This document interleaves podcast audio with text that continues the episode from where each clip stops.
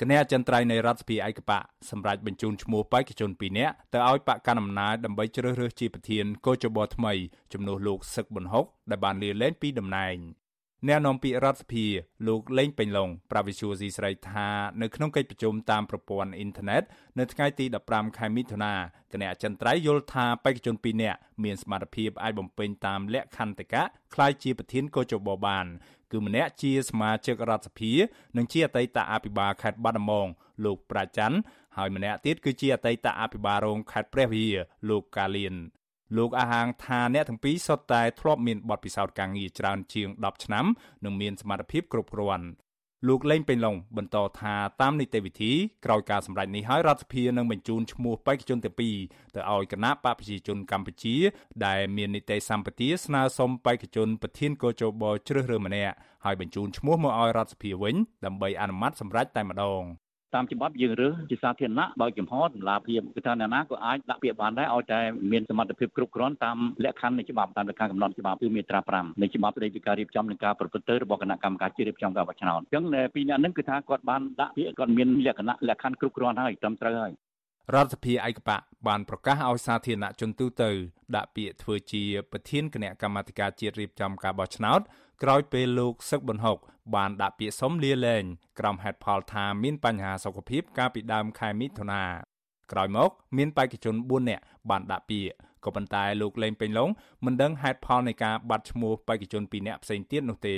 ទោះជាយ៉ាងណាគណៈបពប្រឆាំងនឹងមន្ត្រីអង្គការសង្គមស៊ីវិលហាក់គ្មានជំនឿថាសមាជិកបេក្ខជនប្រធានកោជបថ្មីនេះអាចជួយឲ្យកិច្ចការបោះឆ្នោតវិវត្តមកភាពល្អប្រសើរនិងមានឯករាជ្យភាពឡើងវិញបាននោះទេ ប្រធានគណៈកម្មាធិការប្រតិបត្តិនៃគណៈបកសង្គ្រោះជាតិប្រចាំរាជធានីភ្នំពេញលោកមនផល្លាដែលសកម្មនៅក្នុងកិច្ចការបោះឆ្នោតយល់ថាបេក្ខជនថ្មីទាំងពីរនាក់របស់គណៈបកប្រជាជនកម្ពុជាមិនមានសមត្ថភាពគ្រប់គ្រាន់លើផ្នែកកិច្ចការបោះឆ្នោតនោះទេបន្ថែមពីនេះលោកសង្កេតឃើញថាសមាជិកបកនិងជាអតីតមន្ត្រីរដ្ឋបាលខេត្តទាំងពីរនាក់នេះច្រើនតែចេញមុខសម្លុតគម្រាមកំហែងពលរដ្ឋនឹងការពីប្រយោជន៍បកច្រើនជាងប្រយោជន៍សាធារណៈ លោកមនផ្លាបន្តថាគណៈបកកណ្ដាលអំណាចគួរតែបើកឱកាសឲ្យមន្ត្រីសង្គមស៊ីវិលដែលមានភាពឯករាជ្យនិងមានជំនាញច្បាស់លាស់ឲ្យទទួលតំណែងជាប្រធានកោចបោទើបអាចជួយដល់កិច្ចការបោះឆ្នោតនេះបានជាងនេះទៅទៀតមន្ត្រីបកប្រឆាំងរូបនេះនៅតែទាមទារឲ្យមានវត្តមានគណៈបកសង្គ្រោះជាតិនៅកម្ពុជា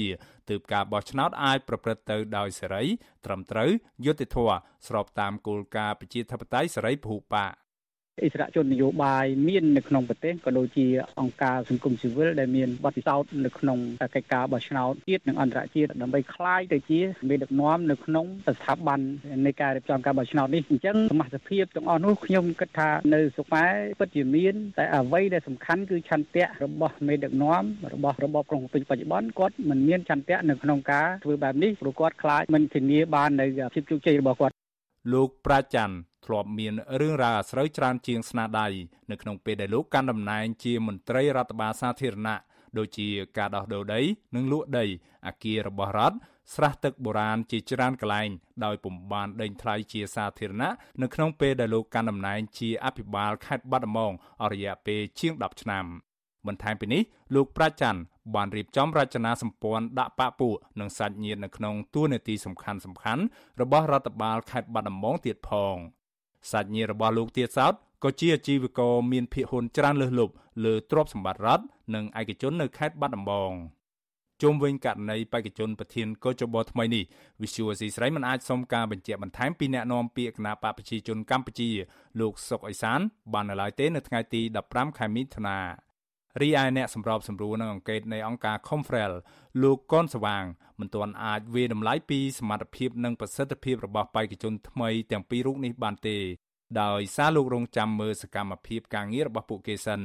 ទោះយ៉ាងណាមន្ត្រីសង្គមស៊ីវិលរូបនេះសង្កេតឃើញថាក្រោយការបោះឆ្នោតក្រុមប្រឹក្សាឃុំសង្កាត់ឆ្នាំ2017មកគោចបខុសពីទម្រង់ដើម ព្រោះសមាជិកនៃស្ថាប័ននេះមិនមែនជាបុគ្គលដែលជ្រើសតាំងដោយគណៈបកមានអាសនៈនៅក្នុងរដ្ឋសភា ដែលទទួលបានសម្លេងគាំទ្រពីប្រជាពលរដ្ឋតាមរយៈការបោះឆ្នោតថ្នាក់ជាតិនោះទេលោកកនស្វាង បន្តថាការប្រកាសជ្រើសរើសសមាជិកកោចបជាសាធារណៈនេះគ្រាន់តែជានីតិវិធី ក៏ប៉ុន្តែចុងក្រោយគឺគណៈបកនយោបាយជាអ្នកសម្រេចដដែល លោកយល់ថាដើម្បីឲ្យសមាជិកកោចបមានលក្ខណៈប្រសើរឡើងវិញ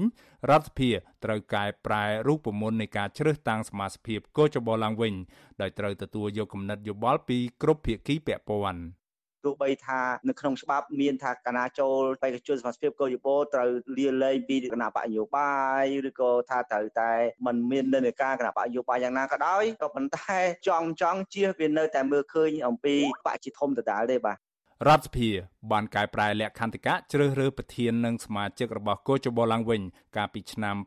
2015ក្រោយពេលអតីតប្រធានស្ថាប័ននេះគឺលោកអឹមសុស្ដីរងការរិះគន់ជាច្រើនថាធ្វើការមិនឯករាជ្យនិងបានជួយលួចបន្លំស្លឹកឆ្នោតឲ្យបកកណ្ដាលអំណាចបន្ទាប់មកគណៈបកប្រជាជនកម្ពុជា និងគណៈបកសង្គ្រោះជាតិ បានជ្រើសរើសសមាជិកកោចប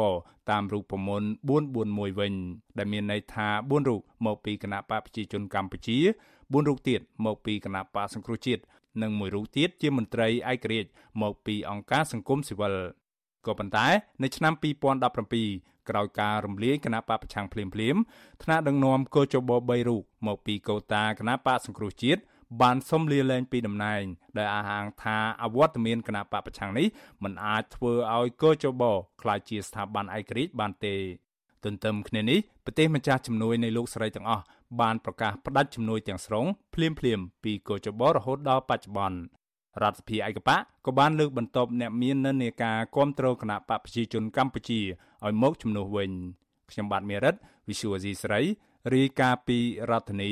Washington